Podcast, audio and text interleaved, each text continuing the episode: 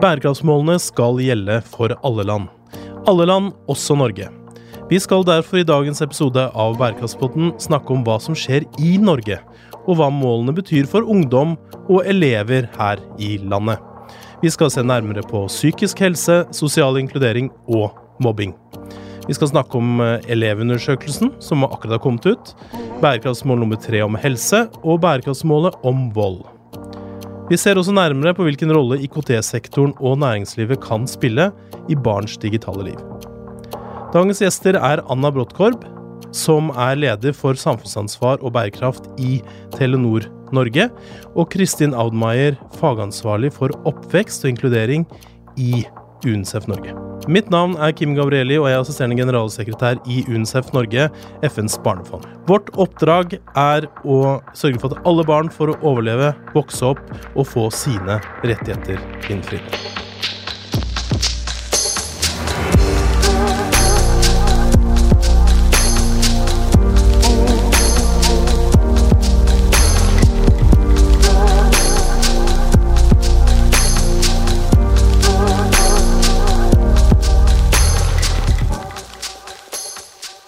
Ja, velkommen til eh, Bærekraftspodden. Da sitter jeg her med dere, Anna Bråttkorb fra Telenor og Kristin Audmeier fra UNCEF. Eh, det er jo alltid veldig hyggelig å ha noen fra våre partnere her, da, fra Telenor, og selvfølgelig noen av mine kollegaer fra, fra UNCEF.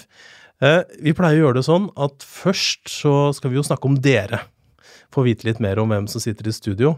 Og da må vi jo starte med gjesten vår det står visepresident på signaturen, liksom. Ja, det er jo ganske kult. Er det mange visepresidenter i Telenor, eller? Ja, ikke så mange. ja, hva, hva, hva, ligger det egentlig i det? Ja, men uh, jeg har spesiell uh, Eller jeg er ansvarlig for uh, det som vi jobber med innenfor samfunnsansvar og bærekraft i Norge. Så at vi jeg må sikre at, at vi driver forretning på en ansvarlig og bærekraftig måte i ja, for, Norge. Ja, for Telenor det er på en måte ikke bare Norge? Ja, selvfølgelig. Telenor i eh, tolv land akkurat nå. Og, vi har uh, i alle land vi har uh, personer som meg, som jobber med samfunnsansvar og bærekraft. og selvfølgelig vi har en team som jobber globalt og strategisk og gir en retning hvordan vi skal bidra. Ja, ikke sant. Og fordi Jeg er jo ikke ekspert på Telenor akkurat, da, men jeg har forstått at som i mange andre konserner, så er det da liksom Telenor, og så er Telenor Norge én av liksom datterselskapene i det store Telenor-gruppen. Ja, det vi kaller eller? business units. eller ja, de selskapene som er i våre uh, nettverk, eller hvordan man kaller det. Ja, nettopp. Ja. Men uh, hvor var du før du kom til Telenor, da, Anne? Har du jobba der lenge? ja. Jeg ja. har vært i Telenor i tolv år. Og jeg begynte i Telenor i Serbia, da Telenor kom til Serbia og kjøpte selskap. Og uh, faktisk uh, jobbet med Unicef i Serbia. Ja, nettopp. På veldig, veldig spennende prosjekter. Uh, og så, ja, etterpå jeg flyttet til Norge og jobbet litt globalt, også med samfunnsansvar og bærekraft, og de siste fem og halv år uh, med samfunnsansvar og bærekraft i Norge. Det er litt trist at Telenor trekker seg ut av Serbia, eller? Ja, ja, ja, ja. litt. Men det, ja. det, går bra. Vi må se på nye muligheter, og det som er altså viktig for forretning. Ja, ikke sant. Men Kristin, uh, ja, jeg kjenner deg jo veldig godt, da, men kanskje du vil si litt noen ord om deg sjøl? Altså, fagansvarlig er liksom også en uh, ikke så fin som visepresident, men, uh, men for Ja, kan ikke du fortelle litt om hva er det du jobber med til vanlig? Ja, jeg jobber jo da i UNICEF og har jobba der i ni år nå. Det begynner å bli lenge. Eh, og der har jeg ansvaret for de områdene som vi har kalt for oppvekst og inkludering. Som eh, rett og slett handler om hvordan vi kan skape trygge, gode oppvekstmiljøer for barn i Norge. Og hvordan voksne kan bidra til å gjøre alle barn trygge og gi dem en mulighet til å høre til der hvor de bor. Kort fortalt. Og i det arbeidet så er forebygging og håndtering av mobbing, både digitalt og utenfor nettet, en viktig del av det arbeidet som jeg gjør der. Ja, du må jo være helt riktig person til å jobbe med det digitale livet til barna. For jeg har noen rykter om at du nemlig fikk jobben i UNICEF via Twitter, stemmer det? ja, nesten. Ja, nesten ja.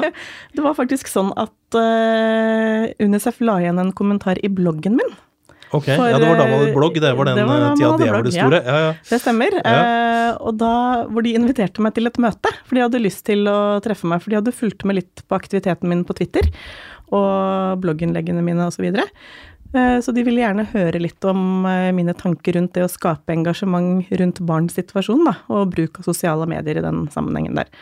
Og da var det jo med nesten litt eh, hjertebank at jeg møtte opp eh, Ja, første møte i. UNICEF. Det var veldig, veldig stort for meg. Og da fikk vi veldig god kontakt med en gang. Og så ble det oppretta en relasjon, og så var det en stilling som eh, var på trappene, og da bare tenkte jeg når jeg hørte om den, det er jo meg. Den jobben vil jeg ha, og var så heldig å få den. Jeg måtte søke, altså, det må jeg bare si. Men, ja. men Jeg går ut, Det er veldig ordentlige prosesser Ja, i UNICEF, altså, så akkurat som i Telenor. Nei, det var Så, ikke noe lurer, men, eh, men jeg skjønte veldig fort da når jeg kom i kontakt med UNICEF at det var et sted som jeg ønska å jobbe. Men du kom også fra helsesektoren før du eh, Ja. ja. Jeg jobbet eh, 18 år i psykiatrien før jeg begynte i UNICEF. Og i ti av de, siste, eller de ti siste årene så jobba jeg med barn som pårørende. Så jeg hadde veldig nær kontakt med barn og familier i krise, rett og slett. Ja, Som den observante hører eller lytter kan forstå, så har vi i hvert fall de helt riktige folka her i, i, eh, i studio i dag, da. Sånn at jeg tenkte vi skulle begynne med eh, Det vi pleier jo at vi snakker litt vi snakker rundt temaene, og det er jo litt, det er litt sånn store temaer, og, men alle har jo, dette er jo et tema som alle har et eh, forhold til, på et vis. Eh, og da kaster man rundt seg med mental helse, psykik, psykisk helse og mobbing og og, og mobbing syns i hvert fall jeg blir brukt på veldig mye ulike ting. Så jeg vet ikke, kanskje du vil begynne litt, Kristen, og så si litt om hva er forskjellen på disse, disse begrepene. Uh, ja, no, altså Noen lyttere syns sikkert dette er selvfølgelig, og, og dere kan jo bare hoppe litt fram i poden, mens dere som har lyst til å lære litt mer, dere kan eh, lytte videre nå. Så For å ta det, så har jo alle mennesker har en psykisk helse. Uansett hvilken bakgrunn de har, eller hvor de bor i verden, eller hva de tror på eller ikke tror på, så er det sånn at akkurat som vi har en kropp, så har vi en psykisk helse. Eh, og det er kanskje noe som ikke alltid har fått like mye oppmerksomhet, men det henger jo tett sammen med hvordan man har det når det gjelder alle forhold i livet sitt. Eh, for den psykiske helsa blir påvirka på den måten der. Eh, og når jeg da jobber mye med mobbing, så ser jeg jo også hvordan mobbing kan ramme både den fysiske og psykiske helsa, faktisk, og at dette henger veldig tett sammen. Og det handler jo om trygghet, og det handler om å ha en følelse av å høre til og ha en egen verdi, for den blir jo ofte rokket ved hvis man blir utsatt for mobbing eller andre former for eh, overgrep, for den saks skyld. Så hvis jeg skal forklare mobbing veldig kort, så tror jeg bare jeg vil si at det kan komme i utrolig mange former. Det kan skje digitalt på nettet. Eh, Det kan være utestengelse, det kan være måten man ler på når en bestemt person kommer i et rom hver eneste gang. Det kan være himling med øynene. Det kan være at man sier stygge ord rett til en person og gjentar det mange ganger. Eh, Og det kan også være at man sender videre bilder som man ikke har lov til å verken oppbevare eller dele. Men er det sånn at hvis, liksom, hvis jeg gjør det én gang, så er det også mobbing? Eller, sånn, eller hvordan er det? Altså hvis du Er deler et bilde én gang da, mm. på nettet, sender videre et bilde som du egentlig i utgangspunktet ikke skulle hatt engang, kanskje, eh, så er det klart at da er det du som legger til rette for at andre gjentar den handlingen. Da er du ansvarlig for at det skjer. Så da kan man ikke slippe unna med å si at ja, men jeg delte jo det bildet bare én gang. Nei, du gjorde det mulig for andre å dele det mange ganger. Så det starter jo med den personen som tar det valget. Så det, man kommer ikke unna med at man bare gjorde det den ene gangen når vi snakker om det som skjer i den digitale verden. Ja, ikke sant? Ja, det er flere akademikere som utfordrer mobbebegrepet akkurat nå i Norge, så det er også vanskelig å finne litt definisjon. Men samtidig hva vi bruker når vi tenker og vi er veldig i og opptatt med det som er digital mobbing, selvfølgelig. Fordi øh, det er noe hvor brukes våre tjenester og plattformer til, til noe som kan ha store konsekvenser. Men uh, hva er spe spesifikt for digital mobbing? Hvis vi sier at mobbing er uh, når en eller flere personer er slemme, slemme til en person, som kan ikke enkelt forsvare seg, og når det gjentas Det var veldig spesifikt til digital mobbing øh, at det ikke er begrenset til tid og sted. Og så er det vanskelig å bli slettet. Hva, hva, betyr, hva betyr det at ikke det er begrenset til tid og sted? ja, det, ikke, du på da? det ikke skjer uh, en gang, bare på ett sted. Så det kan være i, uh, på forskjellige plattformer i digitale verden. Mm. Og så uh, potensiell spredning er omfattende. Og at uh, det kan være anonymt. Det er litt veldig Ja, spesifikt for den digitalt, digitale. Men uh, også som Kristin nevnte, definisjon eh, er eh, det er faktisk et su subjektivt spørsmål. Det er Ja, er hvordan ikke- den som ble mobba, oppfatter det. Samme Ja, ting kan sant? Så det oppfattes ikke- helt forskjellig. Så det er ikke nødvendigvis voksenpersonen som ser Ja. på det, men det er den som ja, Det er jo litt logisk på en måte, da, men det er kanskje nyttig å bli Mint på det av og til, ser jeg for meg. Det er det, altså, Eh, fordi ja. det er jo veldig ofte sånn at voksne kan mene at dette burde barna tåle, fordi mm. de hadde ikke reagert på det selv. Fordi man tar jo ofte utgangspunkt i sine egne erfaringer og det man tåler selv, når man vurderer andre mennesker. Eh, Men derfor så er loven også veldig tydelig her i Norge på at man skal ta utgangspunkt i den enkeltes subjektive opplevelse. Det er faktisk lovbestemt når man skal håndtere mobbesaker i Norge, og det syns jeg er veldig viktig. For da er det ikke opp til meg å vurdere det, liksom, om det er riktig eller ikke. Da, hvis en person opplever det sånn, så må vi handle på bakgrunn av den opplevelsen. Så derfor er det faktisk utfordrende, var utfordrende med mobbing, fordi det er ikke svart og hvitt. Det er litt hvordan personen oppfatter det, osv. Så så det er litt vanskelig å definere det som hardt, på en måte. Det er mer Ja. kvalitativ definisjon, hvis vi kan kalle det det. Eh, Ja, på en måte så er det jo det. ja. Og det og- men det er en viktig diskusjon som foregår nå, som Anna var inne på. Hva dette begrepet egentlig skal inneholde, hvordan man skal definere det. Eh, og jeg tror det er positive bevegelser i måten man forstår eh, mobbing på, på Ja. Det bringer oss jo egentlig litt til eh, bærekraftsmålene, som jo er det overordna for vår podkast. Men selvfølgelig er jo bærekraftsmålene har jo, inneholder jo det aller meste. Så, men men det, der står jo ikke mobbing liksom, som ord. Men det, man bruker da, på norsk også bruker man men, mental helse. Så kan det jo liksom, er det noe annet enn psykisk helse? Og, og så bruker man da vold. Eh, I altså bærekraftsnummer altså Det som går på helse, altså nummer tre tre er vel det. Uh, mental helse. Og så nummer 16 som heter da har med fred å gjøre. Eh, det er litt sånn samle Demokratimålet er det noen som sier.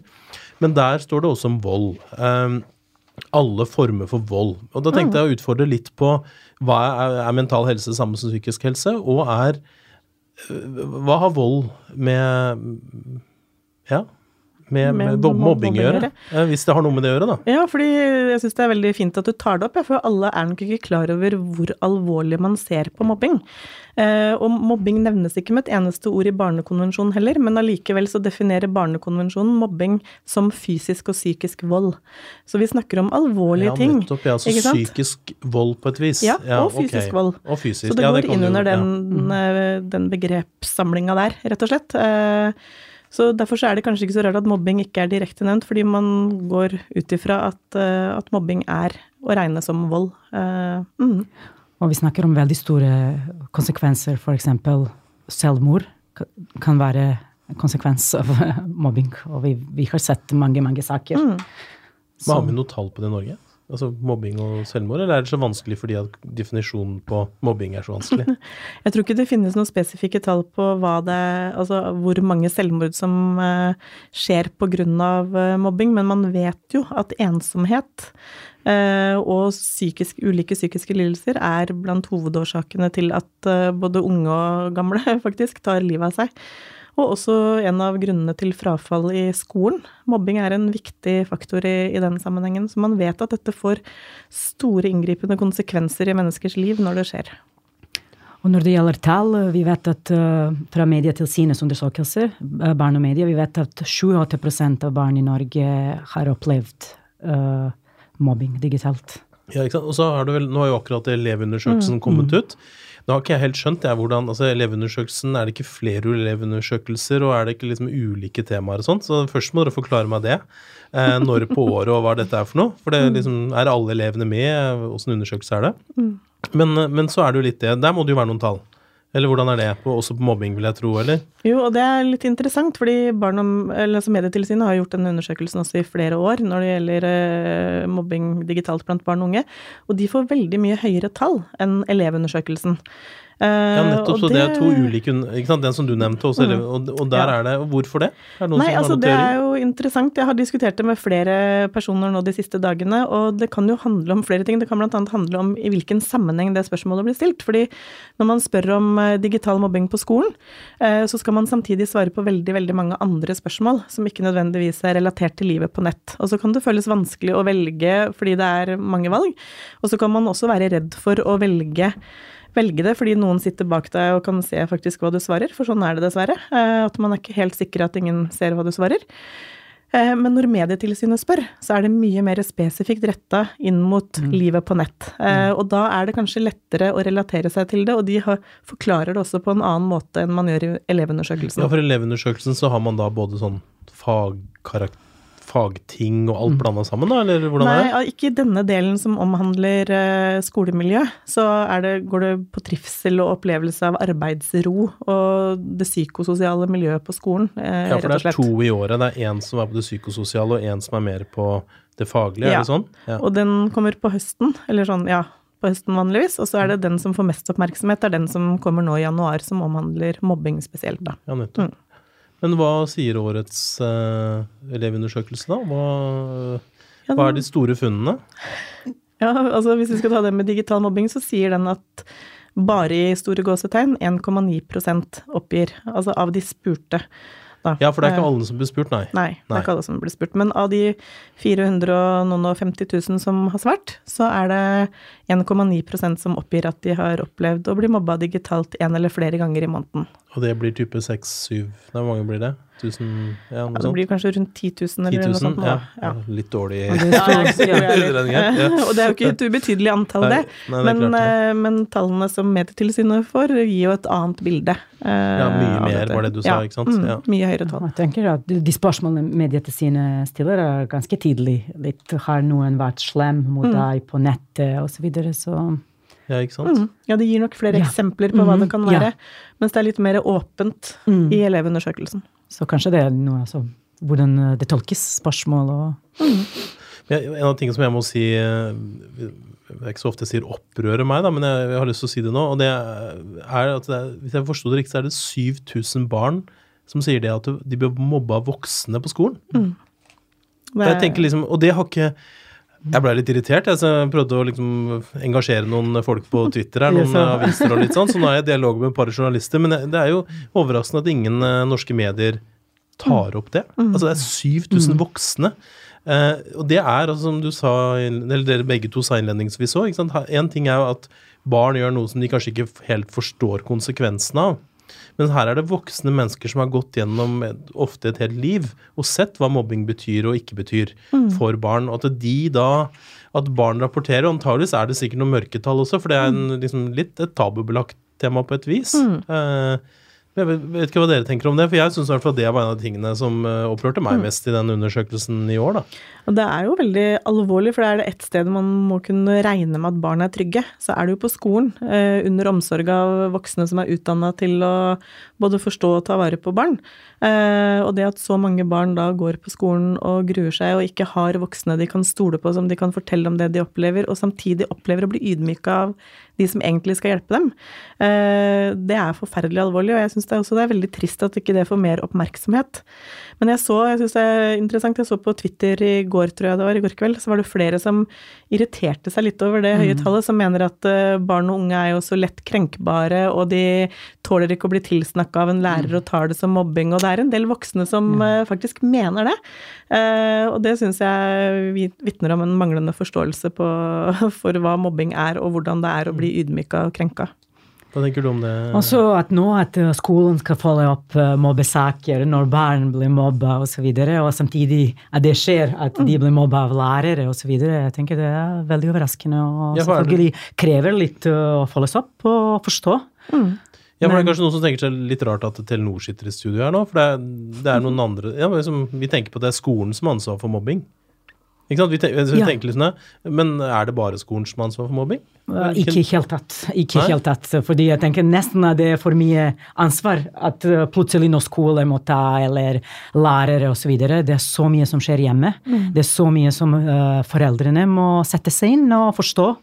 Og um, vi, har, vi, har, kjørt uh, de siste årene foreldreundersøkelse til å forstå hva de, hva, de, er bekymra for osv. Og, så videre, og de føler at de har ikke nok informasjon.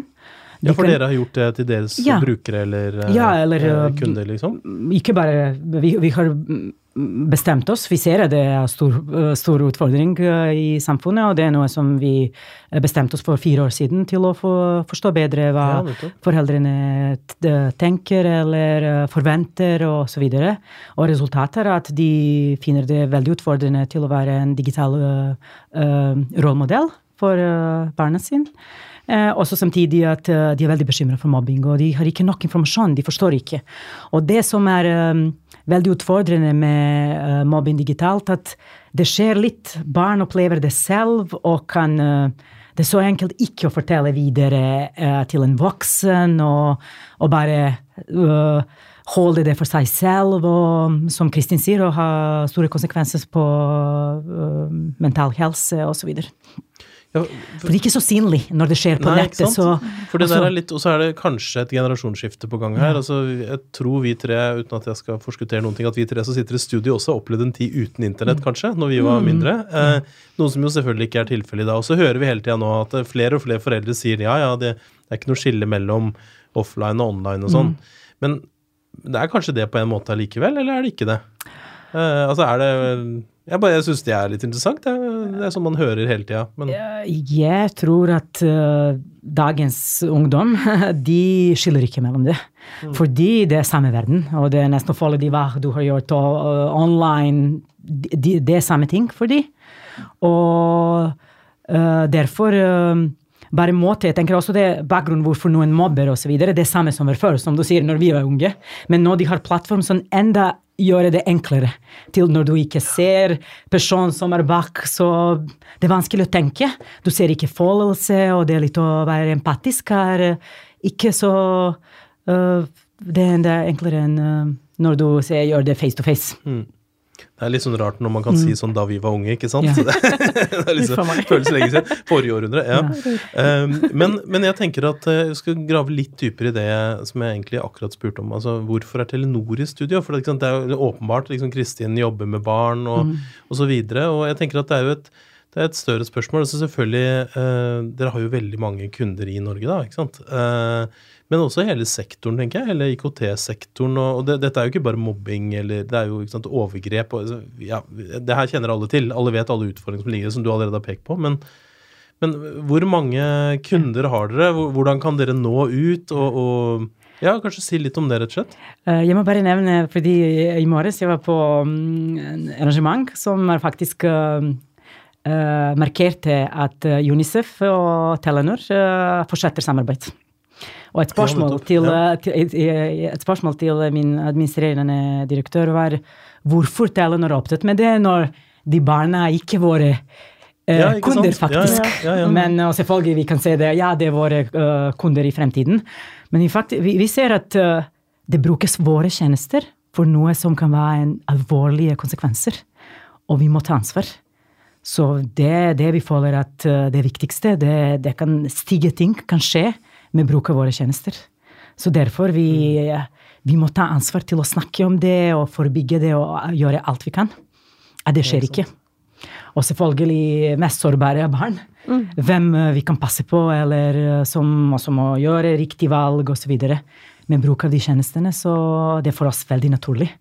Og det er ikke bare selvfølgelig vi er opptatt med det i Norge, og vi vet at um, ungdom i Norge de er veldig avanserte når det gjelder bruk av eh, digitale uh, medier osv. Og, og de sier at det er litt uh, mer avanserte de er. De er litt også mer avanserte når det gjelder den verden å mobbe Ja, osv. Ja, ja. Men vi gjør det i alle land hvor Telenor er, og vi har satt uh, konkret mål at innenfor uh, 2020 vi kommer til å opplære eller trene fire millioner barn om nettvett. wow. Og hvordan å bekjempe nettmobbing i hele Telenor-verdenen eller de Ja, det blir litt vanskelig i Norge, kanskje. Det er vel, hvor er det? To millioner eller noe sånt i Norge? Som er Og vi har, 18? eh, Ja. vi har eh, faktisk hatt eh, som mål i år at vi kommer til å opplære 100 000 barn i Norge. Ja, ikke sant. Nei, men hvor mange barn er det i Norge? Én million, er det kanskje? Jo, det er litt ja. over en million, Ja, nå sa jeg to millioner, det var å ta litt i. en, uh, en Men hva barn. gjør dere da, Anna, eh, for å lære opp uh... Ja, uh, først og fremst eh, Vi ser eh, vår rolle som forebyggende. At vi, må, vi først og fremst kan bidra med kunnskap.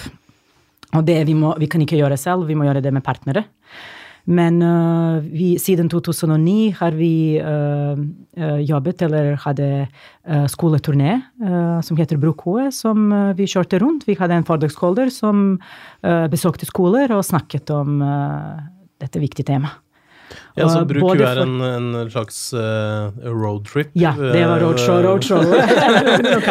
Men veldig populær. Ja. Og til nå vi har opplært uh, 370 000 barn og foreldre. Ja. Så det er veldig viktig at vi snakker både om barn og foreldre. Men nå i år vi tar uh, steg videre, og vi tenkte at uh, vi er veldig begrenset hvor mange vi kan snakke med på skoleturné, så vi tar det steg videre, og vi har uh, faktisk digitalisert turné og har uh, utviklet undervisningsopplegg som lærere selv kan ta i bruk. Og med litt alt notater de kan få fra oss, osv. Men er det noen som syns det er litt rart at et privat selskap skal reise rundt på skolene? Det er jo, selv om det er jo liksom statlig, da, på eid, i hvert fall delvis. Ja, men jeg må si at det er overraskende, som, som jeg nevner, det vi kunne, aldri, vi kunne aldri gjøre uten våre partnere. Og i Bruko er partnere var Røde Kors, Medietilsynet og Barnevakten. Ja, ikke sant. Nettopp. Og selvfølgelig, men jeg må si at uh, jeg har ikke opplevd en negativ uh, Eller hvorfor Telenor osv. Fordi uh, jeg tenkte det var så viktig fra første dag, og det som uh, med eksperter som er inne der. Så vi føler oss at vi er ikke eksperter på området siden de mm. siste årene. Vi har jobbet så mye. Men um, det vi trenger, partnere som UNICEF, f.eks. Men for oss som er fra forrige århundre, så er jo Televerket fortsatt uh, en viktig, viktig aktør i, ja. i, i, livene våre. Ja, Kristin, hva, hva, tenker du? Altså, vi, eh, det er jo en grunn til at vi har eh, ønska oss samarbeid, og har hatt det lenge nå med Telenor, da, men mm. ønsker oss kanskje enda tettere samarbeid her i Norge også, mm. uh, UNICEF. Eh, og, og, det er vel fordi at vi ser at det digitale livet, rett og slett, som du sa veldig riktig, tror jeg, Anna, at det, det, er jo, det, er jo, ikke noe forskjell på det og offline. Sånn at uh, det er klart, hvis vi skal være til stede uh, og bidra til at barn, alle barn, hvert eneste barn får innfridd sine rettigheter, så må vi også være enda mer til stede på nettet. Så Derfor så er det så viktig for oss å jobbe sammen med dere. Mm. Og dette sitter du og jobber med hver dag, Kristin. Og mm. får masse innspill fra folk. og du glemte jo sist at du har skrevet tre bøker om mobbing, da. Så dette ja. kan du ganske bra. Men hva, tenker du, hva tenker vi, får jeg si da, om, ja. for UNICEF sin side? Nei, det Jeg deler veldig mye av det Anna sier, og det vi jo ser, er at det er et utrolig stort behov for at voksne skal forstå barns digitale liv bedre. Eh, de voksne har liksom sakka litt akterut, eh, og er ikke helt oppdaterte. Selv om man skulle tro det i vår opplyste verden, så viser det seg allikevel at veldig mange voksne strever med å forstå at barn og unge ikke skiller på den digitale verden og den virkelige verden, sånn som vi gjorde. Vi sa liksom IRL og sånn, ikke sant, in real life. Men for dem så er, når de chatter sammen eller har en gruppe på Facebook eller Instagram, så er de sammen. De har en opplevelse av at det er den virkelige verden. så de har eh, LOL, men ikke IRL? Ja, ja. rett og slett. det har de. Ja. Eh, så jeg tror at det er viktig at Eh, vi som Unicef er en veldig tydelig stemme når det gjelder at voksne skal forstå hvilket ansvar de har for at barn også er trygge på nett, og at det er ikke noe vi bare kan outsource til myndighetene eller til skolen, men at dette er noe som alle voksne på barns arenaer må ta aktivt ansvar for. Og det er jo der vi finner oss mm. og kjenner oss veldig godt igjen i Telenor Norge, som har den samme tilnærmingen til, eh, til disse utfordringene som det vi i Unicef har. Så sammen så tror jeg vi kan gjøre veldig mye spennende. Vi har jo allerede hatt noen arrangementer sammen og vært mye i dialog. Eh, og jeg opplever at vi har eh, mange felles tanker om hvordan vi kan eh, påvirke voksne til å forstå mer og handle mer aktivt også til det beste for barn. Men jeg er også litt interessert i For nå har vi snakket litt om sånn, egentlig deres produkter og mm. deres uh, eget engasjement. Men dere er jo som alle andre også omgitt av leverandører og, og samarbeidspartnere -hmm. og Medietilsynet og Kripos og hva vet jeg. Kan du ikke si litt om hvordan dere jobber sammen der? For jeg tenker at det er jo, det er jo En ting er det dere gjør som ja, en av Norges aller største selskaper, da. Men dere er jo en del av et eh, slags uh, nettverk eller en økologi, hva heter det for noe? Økologisk system? Økosystem, på, økosystem er det jeg prøver å si. Ja. Uh, Vi liker å si uh, det kreves en landsby for å oppdra et barn. Ja, ikke sant? Så fordi vi ser at det ikke bare oss kan gjøre, det er også sammen med partner, frivillige organisasjoner, det er skole, lærere, helsesøster, politi. Alle må på banen. At, uh, så det ikke er noen enkel løsning til det. Men um, som uh, du, du, nevnte, selvfølgelig, det, det, er noe som vi f.eks. som selskap vi ser at til våre leverandører vi må også sette krav. Mm. Som f.eks. Uh, at de gjør ikke noe galt. Og vi er veldig strenge når det gjelder å f.eks. Uh, med vår leverandørkjede at uh, vi uh, både setter krav, og de må signere spesielle avtaler hvor alt hvordan behandles alt i forbindelse med menneskerettigheter og det som er litt UN Guiding Principles for Business and Human Rights er håndtert, og det kommer det som du hva, hva, er det? Det var noe engelsk og litt vanskelig og langt. Ja, ja. Hva er UN Guiding Principles for Ja, det er faktisk at uh, det eksisterer en dokument uh, på, som uh, også viser hvordan næringslivet skal håndtere alt som gjelder mennesker. Ja, for det er på en måte slags et, et FN-dokument ja. som uh, veldig mange av bedriftene ja, har begynt å følge etter hvert? Ja. Som, ble, som, ble, etablert av uh, professor Raggi. Fra, mm. som ble, han var bedt om at han må bare lage det dokumentet. Hvordan selskaper kommer til å, til å, jobbe i forbindelse med um, menneskerettigheter. Og veldig mye av det handler om barn og barnas rettigheter. Og selvfølgelig kommer alt som vi snakker i dag, så det er litt uh, at vi også forplikter alle som uh, vi jobber med, hvordan de skal håndtere, uh, eller hvordan de skal oppfordre seg som Når det gjelder uh, f.eks. kan vi blokkere noe, og så videre. Så det er også spørsmål. Ja, der har jo UNCEF også kommet med et måte, for, for, den, altså The UN Guiding Principles, da, de er jo overordna, selvfølgelig. Og så har UNCEF kommet da sammen med Redd Barna annet, og kommet med en, en eh, Det er brutt ned på, på barn, da, ikke sant. Så det fins jo også en eh, rettledning der som jeg vet at våre partnere, inkludert ja. Telenor, også kjenner til. Så, så, for det er jo akkurat det som er litt utfordrende, ikke sant. Altså alle er jo enig i det overordna, men hvordan klarer vi å gjøre det rent konkret for barna? Det er, eh, det er en av de utfordringene vi vil mm. ha framover òg. Og så skjer det jo så mye og så fort. Uh, og du sa at um, hele landsbyen må med, og sånn i den store verden så er jo Norge, i hvert fall sammenligna med Bangladesh og andre markeder som, som Telenor er, så er vi jo nesten landsby. Mm. I hvert fall, ikke sant? Så, så, så, det er litt interessant. Hvordan får vi til det å gjøre det konkrete på bakken? For nå, liksom, nå snakker vi alt fra Elevundersøkelsen og skolen i Norge til Eh, verdikjedene til, vi skal kalle det, til Telenor. Eh, jeg vet ikke hva dere tenker. Hvordan skal vi liksom ta tak i dette hele veien? Det er utfordrende, syns jeg. Ja, må bare nevne f.eks. Um, i, når vi snakker selvfølgelig vold osv., og, og det er litt stort tema, er eh, det med uh, overgrep av barn mm. på nettet. Og det er noe som vi f.eks. i 2000 Eh, fire. Vi har eh, sammen med politi etablert en eh, blokkeringsfilter, overgrepsfilter, som blokkerer, basert på Interpol-liste, blokkerer nettsider som Uh, har noen elementer av uh, Men Er det dere som blokkerer dem, på en måte? Eller, hvordan, eller er det Kripos eller, det, eller Interpol? Det, eller? det er faktisk uh, Vi måtte jeg bare ønsker å nevne at vi måtte gå til i Stortinget og endre mm. loven. Mm. Så jeg tenker ja, noen ting som det, noen ting f.eks. nå fra vår side som Telenor, noen ting vi ønsker å gjøre, men vi har ikke lov, eller ja. det er ikke forankret i lovverket, eller det, vi, vi, ser det med personvern osv. Men noen ganger når vi setter sammen uh, sånne organisasjoner, eller som vi sier, alle aktører. Vi kan gjøre enda mer til å Kanskje vi kan eh, sammen endre loven mm. ja, på noen ting. Så jeg tenker det er bare at vi har en stor ønske for det. Men uh, tilbake til det som Kristin sa, at uh, det med voksne Vi også Italienere en ting er at vi skal opplære barn osv. Men uh, voksne må også med. De må forstå bedre barnets verden og hva skjer i dag. og ja, det, det, jeg, må, jeg, må, bare nevne at det var et veldig viktig samarbeid vi hadde med, med UNICEF på det som vi har etablert. Det er en plattform som heter, som heter Den digitale foreldreskolen. Hvor vi inviterer eksperter til å snakke om forskjellige temaer, f.eks. For barn og personvern. Og faktisk UNICEF er ekspert som snakket om mobbing.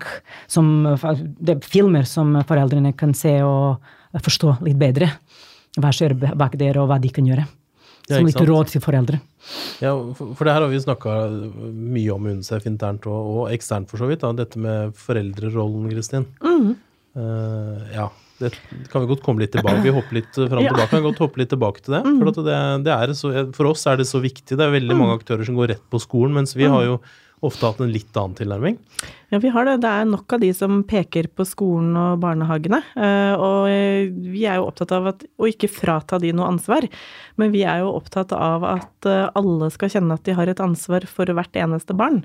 Og hvis vi skal hjelpe hvert eneste barn i landsbyen, for å bruke det bildet, så vet vi jo, og det er jo sånn UNICEF jobber i hele verden, vi vet at da må vi aktivere alle menneskene som bor der, eh, for å nå de som trenger hjelp aller mest. Eh, Og det er sånn vi også tenker eh, om denne tematikken her, er at det holder ikke å peke på skolen aleine. Her må alle voksne på banen og ta ansvar. Og så prøver vi å gjøre det på en ikke-moraliserende, skremmende måte, men heller vise hvilke muligheter som ligger der, hvor lite som skal til for å utgjøre en forskjell, som jo er noe av kjernen i programmet vårt Du kan være den ene, som handler nettopp om det å kunne gjøre små handlinger som betyr mye for barn som trenger det sårt da, i hverdagen sin. Så Kan du eksempler på sånne historier? Som eh, folk som kan være den ene? For det, er, det høres jo veldig fint ut, men du fortalte jo en fin historie på veien hit. Men jeg vet ikke om du har den eller noen andre historier Ja, du har lyst til å dele, kanskje? Ja, For det er litt interessant det der. Ja. Hva, hva, det å være den ene. Jeg tror vi alle kanskje har vært det på et tidspunkt, kanskje Mm. til og med uten å vite det. Ja, jeg tror det, sånn er det nok at de fleste vet ikke om at de har gjort ting som er så betydningsfulle. Og det er kanskje noe av det jeg liker også aller best, for det er ikke alt vi skal måtte ha en takk for eller liksom få applaus for å gjøre. Noen ting skal vi bare gjøre fordi det er sånn man bør være som menneske. Eh, og hvis man da klarer å møte barn med åpenhet, med et ønske om at de skal ha det bra og høre til, så vil man alltid treffe på noen barn som trenger det litt mer enn andre barn. For ingen vil ha vondt av det, men noen barn vil trenge det litt mer enn andre barn. Så, så det er utrolig viktig. Og da kan jeg fortelle en liten historie som jeg er kjempeglad i. Jeg har fått- sikkert fortalt den 3000 ganger nå, men, men jeg blir ikke lei av den, for den gir et så godt bilde på dette her. Og dette er en jente som vi også har hatt litt kontakt med i UNICEF gjennom flere år, som nå er en voksen dame, men hun var veldig ung den gangen, da. Eh, hvor hun skrev til Simon Flem Devold i Aftenposten, faktisk, første gang. Var sånn det hele kom i stand. Og hun eh, forteller fra sin barndom at hun kunne ikke huske at hun fikk noen klemmer hjemme, at hun satt på fanget til foreldrene sine eller så at de hadde noe nærhet seg imellom. Det var bare krangling og veldig sånn kjølig avstand hjemme der. Eh, og når hun skulle ut og møte andre barn og verden, så havna hun ofte i konflikter selv, fordi hun var ikke vant til å liksom finne ut av disse tingene på en god måte. Eh, og hun lengta etter den nærheten som hun så at andre mennesker fikk. Og så fikk hun en dag være med en jevnaldrende jente hjem etter skolen. Eh, og når hun kommer hjem der, så står moren og lager middag.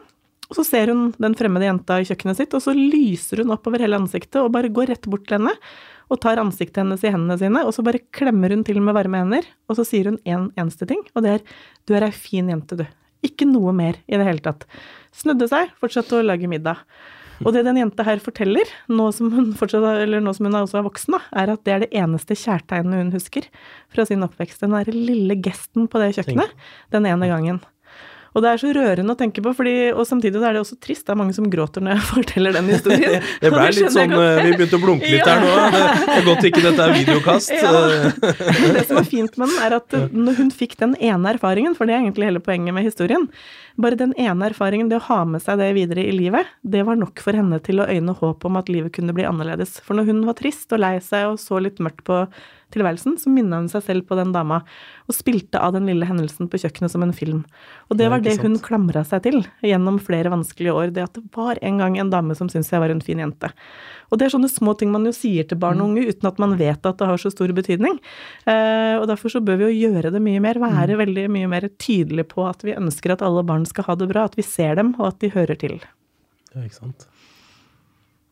Da var det nesten litt stille i Ja. studio her. Det, det er jo sjelden det, sjelden det skjer, det. altså, Men uh, jeg ser at uh, produsent Torgeir også uh, kikker opp her, så det er jo så bra. Eh, er det noe du vil legge til på det, eller? For vi har litt, vi har litt grann tid igjen, så her er det bare å kaste seg på. Eh, jeg tenkte f.eks. det med mobbing. Hva, hva er viktig å lære barn når det gjelder mobbing? Det er den del som gjelder empati, og gjelder hvordan den andre personen det føler. eller hvordan det føles at jeg sier det, osv. Så, videre. så det, jeg vet at det var noe litt trening som det med digital mobbing. At f.eks. noen ganger når du skriver noe, eller når du uh, sender uh, melding på Snapchat osv. Det var en trening at uh, de ønsket at barn f.eks. sier det til noen. Det er litt føles mm. annerledes. Mm. ja, ikke sant. Ansikt til ansikt. Ja. Altså, det var vi ser at det er veldig viktig at barn må, barn må lære til å si fra. Det, det er viktig. Uh, faktisk når uh, de føler at det er noe ikke riktig eller rettferdig osv. Og, så ja, vi må lære de å gjøre riktig valg, og kanskje å bruke, som vi ønsker liker å si, bruke hodet, hodet og hjertet. Mm. Det er det en del med empati. Mm. Som vi må lære de. Men jeg likte veldig mye det som Kristin sa, at så vi må lære de det er litt cool å være positiv, cool å mm. si fine, positive ting og klemme mm. osv. Det, det er bare cool. Det, det er fint. Mm. Og tenke på det positive. Og hvordan eh, det føles å gjøre noe positivt. Nå begynner vi å nærme oss slutten på denne episoden, mm. så nå har dere mulighet til å legge til noe hvis dere vil, før vi går inn for landing. Så er det noe dere føler dere ikke har fått sagt? Så. Jeg bare har lyst til å si én ting, og det er at uh, til alle voksne, egentlig, som treffer barn, så er det utrolig viktig å huske på at det er ikke bare liksom på fotballbanen eller når de opptrer på en konsert, at de trenger stolte foreldre som heier på dem og som er stolte av dem. De trenger faktisk også å få de heiaropene i sin digitale verden, og de trenger at foreldrene ønsker å være en del av øh, den delen av deres liv også. Og at de oppmuntrer dem, og at de viser at de forstår og ønsker å være til stede. Ja, Noe siste fra deg, Anna? eller føler du har fått sagt ja, det men, uh, ja, jeg kan også si at uh, det som um, foreldre tenker at de kan ha kontroll over hva barn gjør på nettet osv. Det er ikke sånn. Det er litt samme som uh, du har ikke kontroll når du bestemmer deg at barn skal gå selv til skole. det du bare mm. la barn gå. Men du må, du må uh, klare å plare barn, eller uh, til å gi nok informasjon, eller å høre på barn hvordan de har det og hjelpe dem å gjøre de riktige valg osv. Så, videre. så det er ikke noe du kan si nei, eller uh, at de slutter å bruke, eller at du vil ikke utsette det med å gi til telefonen litt senere osv. Du må bare være der for dem og snakke og bare, bare hjelpe dem å gjøre riktig valg. Det var en veldig fin avslutning mm. på dagens episode. Da gjenstår det bare å takke dere to for at dere kom. Tusen takk. Eh, og selvfølgelig Moderne Media, som produserer denne podkasten for oss. Og til slutt, eh, hvis man er interessert i å lese mer om, eh, om vårt arbeid på bærekraft, så kan man gå inn på unicef.no slash bærekraft med æ.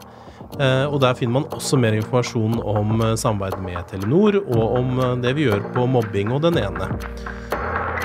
Takk for i dag. Takk.